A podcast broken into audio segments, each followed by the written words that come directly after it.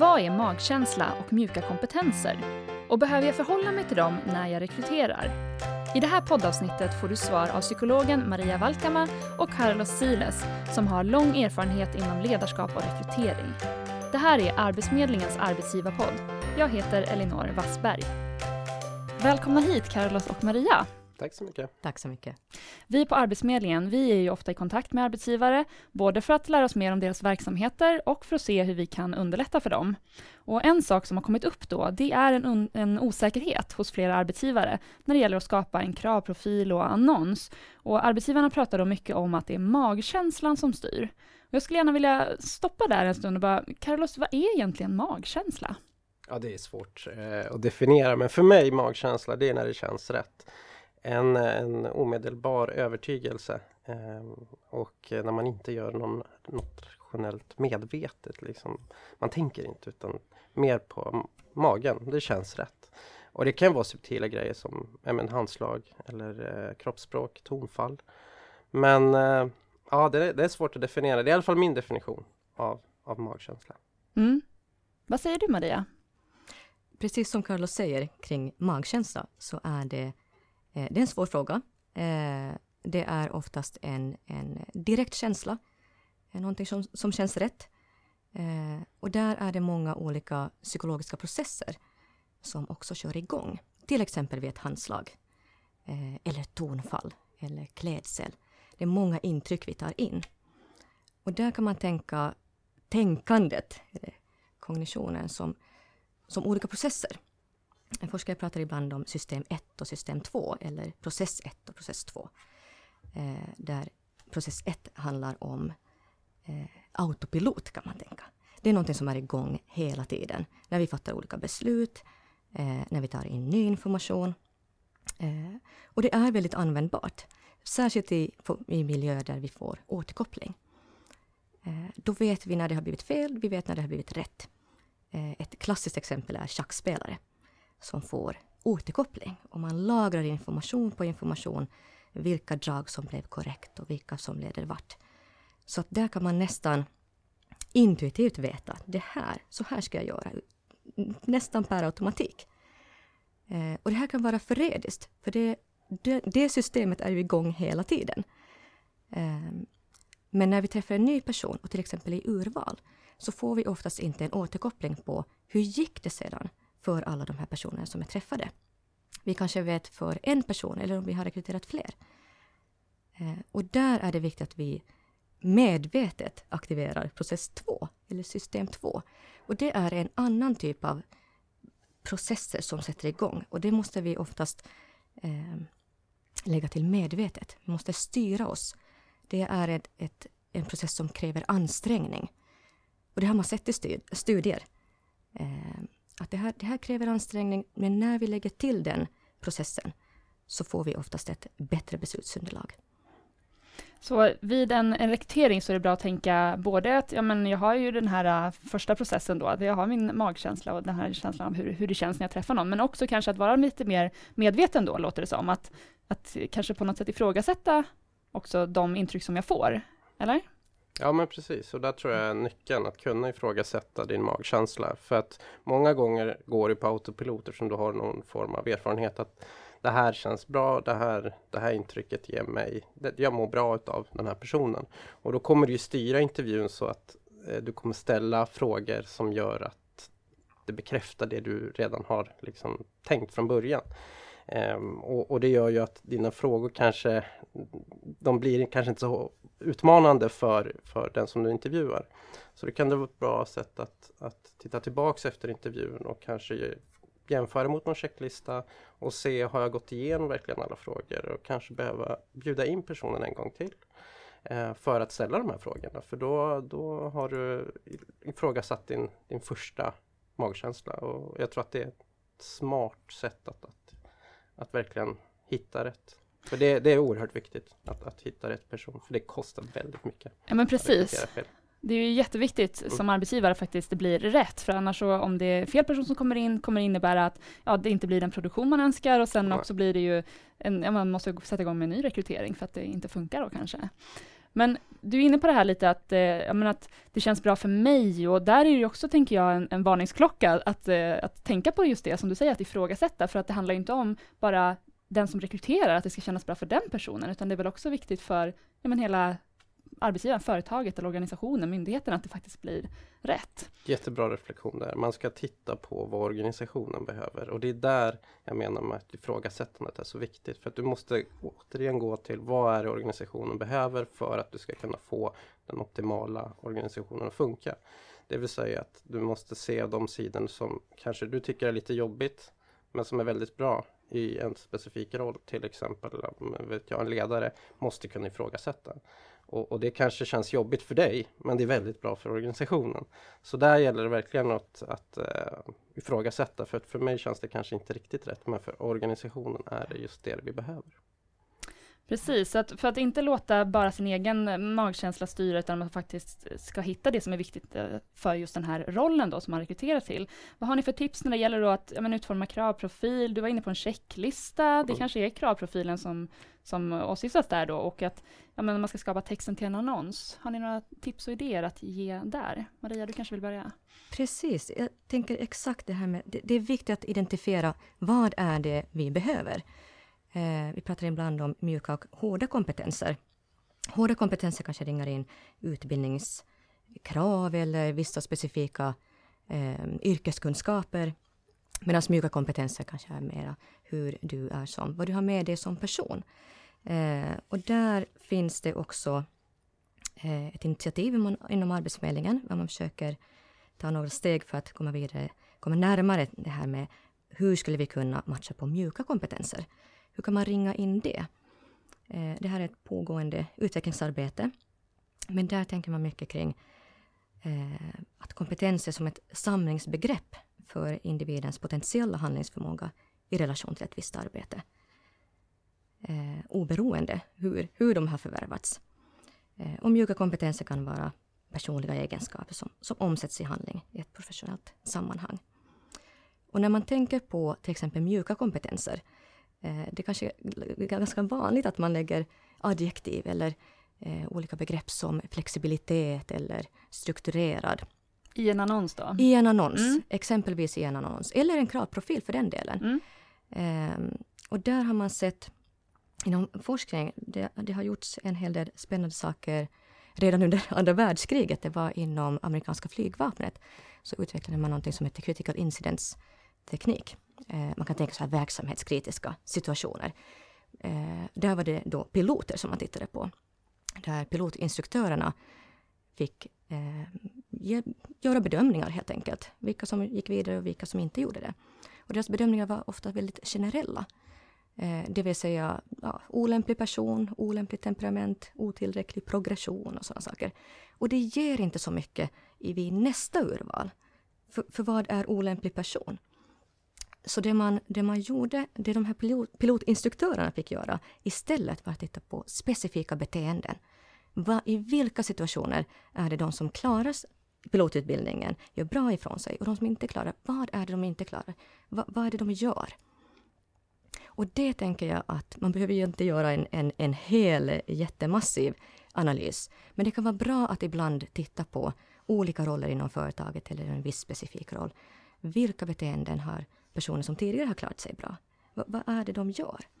Eh, man kan ställa den frågan till nyckelpersoner också, om man själv inte är direkt chef.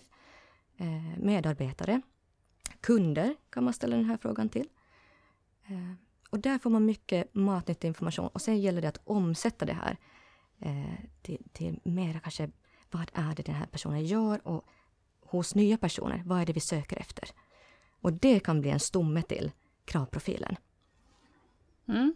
Har du fler tips Carlos att dela med dig av kring? Ja, eh, tittar jag på hur, hur det har funkat där jag har jobbat tidigare så har det varit det är väldigt ingenjörstungt och, och man väljer då kanske en ingenjör för vissa saker, säg kalkylator.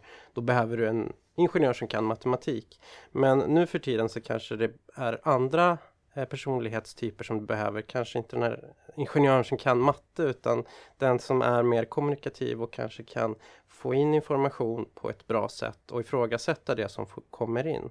Så göra en analys precis som Maria sa där att, att prata med någon som jobbat kanske med det och se, ska vi våga testa något nytt? Kanske en person som är utanför ingenjörsyrket men som har en otrolig kommunikativ förmåga och är anpassningsbar. Så det gäller att, att liksom ringa in och våga tänka utanför boxen. Hur kan vi använda andra personer, personlighetstyper i den här rollen?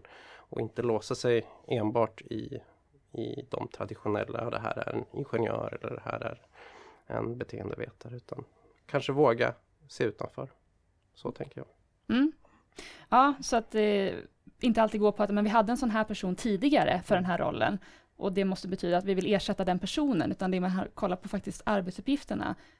Hur skulle de kunna utföras och vad skulle kunna tillföras för att det skulle kunna utföras kanske på ett, ett annorlunda sätt eller ett ännu bättre sätt beroende på var man befinner sig idag då.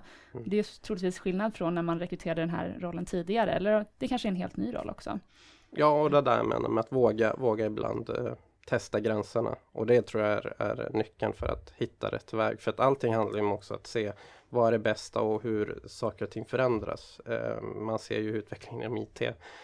Väldigt mycket som, som kanske kan automatiseras men i projekt så är det väldigt mycket kommunikation som är nyckeln och det är väl vanligtvis det som brister också. Eh, så att personer som kanske är bra på det är, är, eh, är lämpliga för det, den rollen helt enkelt.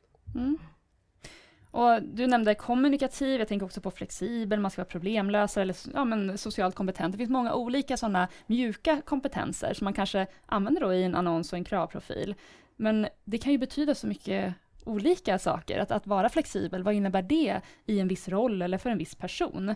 Hur tänker ni där? Kring, kan man bli tydligare på något sätt så att man faktiskt får rätt person att söka den här rollen eller att man är tydligare vid en intervju eller så?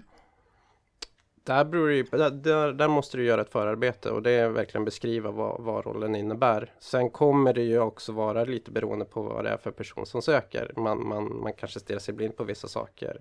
Så där, där ger jag liksom en heads-up till de som söker att våga, våga sök. För att det kan vara rätt person. Eh, och, och, och, inte stirra sig blind på de här hårda kraven utan är man rätt person, chansa och, och då kan det bli rätt. Jag instämmer jag. fullständigt. Jag tänker också att man ibland kan man fundera på, är det någonting som man kan lära sig på jobbet? Eh, de här formella kraven. Hur viktiga är det? Är det någonting som man kan fylla på under resans gång när man har känt att man, men här är en person som fyller de mjuka kompetenser som ofta är mer viktiga än vad vi tänker oss. Och precis som, som du nämnde Carlos, blicka lite grann in i framtiden. Fundera lite grann. Fem, om fem år, vad behöver vi då? Av våra medarbetare. Så att man ligger lite i framkant och funderar. För annars så halkar du efter och det, ju, det har du inte råd med som det ser ut idag. Mm. Så det gäller mm. verkligen att ha, ha ögonen framåt och se hur kan vi hitta de optimala lösningarna. Mm. Så tänka lite framåt och eh, att försöka vara lite mer öppen för att eventuellt kunna lära upp på plats, men att hitta en person med, med rätt inställning och, och rätt mjuka kompetenser och då kanske vara tydlig också, vad jag hör er, att, att vara tydlig med vad innebär det för oss? Vad, innebär, vad är det egentligen för arbetsuppgifter och varför är det viktigt att vara till exempel flexibel? Vad innebär det utifrån just de här arbetsuppgifterna? Sen tänker jag också att just försöka undvika att låta bara magkänslan styra. Till exempel om man är vid en intervju eller man är, jag ska välja ut då rätt person till, till den här tjänsten. Vad har ni för tankar kring det? Där har man sett, eh, eh har vi varit lite grann inne på det här med, med eh, att, att det, vi, vi styrs ganska mycket eh, av autopilot. Eh, att vara, framförallt vara medveten om det. Och där, om vi har en struktur, det har man sett också i forskning när man tittat på olika typer av intervjuer, strukturerade, ostrukturerade. Eh, när man har en ostrukturerad intervju, då, då, har man en tendens att ganska, som, som vi alla, vi har en tendens att väldigt fort bilda oss en uppfattning. Och har man då ingen struktur att falla tillbaka på, så det är lätt hänt att vi går på vår initiala första känsla och det vi gör resten av tiden, det är att vi selektivt plockar upp och bekräftar vår första initiala känsla. Och det kan vara genom olika frågor, det kan vara följdfrågor, eh, kanske på vilket sätt man ställer olika frågor för personen. Och där har man sett om man lägger till en struktur genom en välarbetad kravprofil, då kommer man ganska långt. Man, man kommer ifrån det här med magkänsla, eh, att magkänslan styr. Och sen så kan jag också säga att man utgår ifrån sig själv många gånger Vilket är, det är ju också en, en viss fara. Så där kan det också finnas en poäng att ta med sig en kollega kanske eller en, en chef som, som är med på intervjun och kanske har en annan personlighetstyp än en själv. Som kan se andra aspekter som inte man själv noterar. Och ha en diskussion efteråt. Och då är det ganska bra att ha en person som kan ifrågasätta dig. För annars så kan ju du återspegla din första känsla på personen. Så att man kan ju tänka på olika sätt där och, och det har jag använt ganska mycket. Att ha en person som är med mig under intervju som då titta på de delar som jag själv inte kanske noterar. Mm. Jättebra, det är många, många saker att tänka på här. Mm. Att, menar, att vara medveten för det första om att vi har en magkänsla som påverkar oss, så att vi får ett första intryck. Och att också göra en tydlig kravprofil, en tydlig annons och fundera kring rollen och vara gärna lite, fundera på vad kan behövas framöver också. Tänka lite nytt, inte bara nu ska vi ersätta den här personen som jobbade tidigare, utan men, vad behöver vi framåt egentligen? Och som du säger också Carlos, att bjuda med någon, så att man har en panelintervju helt enkelt, där man är några stycken, en, två eller fler och sitter och och tar upp olika saker och kan titta på olika saker för att det inte bara ska vara en person som avgör utan att man kanske får då en mer varierad bild av kandidaterna. Bra, tack. Maria, hur kan Arbetsförmedlingen stötta upp om man nu sitter och lyssnar på det här poddavsnittet och känner att ja, men, jag, jag har lite frågor, jag har lite funderingar. Vad, vad kan Arbetsförmedlingen hjälpa till med? Ja, eh, först vill jag nämna hemsidan eh, under fliken arbetsgivare. Där finns en hel del handfasta råd kan man säga Eh, lite saker som är bra att tänka på inför en, att göra en annons, eh, kravprofil och under intervjun, vad som är bra att tänka på. Um, så arbetsförmedlingen.se helt enkelt? Arbetsförmedlingen.se, ja. precis. Mm. Genom arbetsförmedlingen.se hittar du även kontaktuppgifter till kundtjänst som kan ge, eh, hjälpa dig som arbetsgivare. De flesta fullservicekontoren har också arbetsförmedlare som jobbar huvudsakligen med arbetsgivare där du kan få extra stöd och hjälp. Toppen, bra.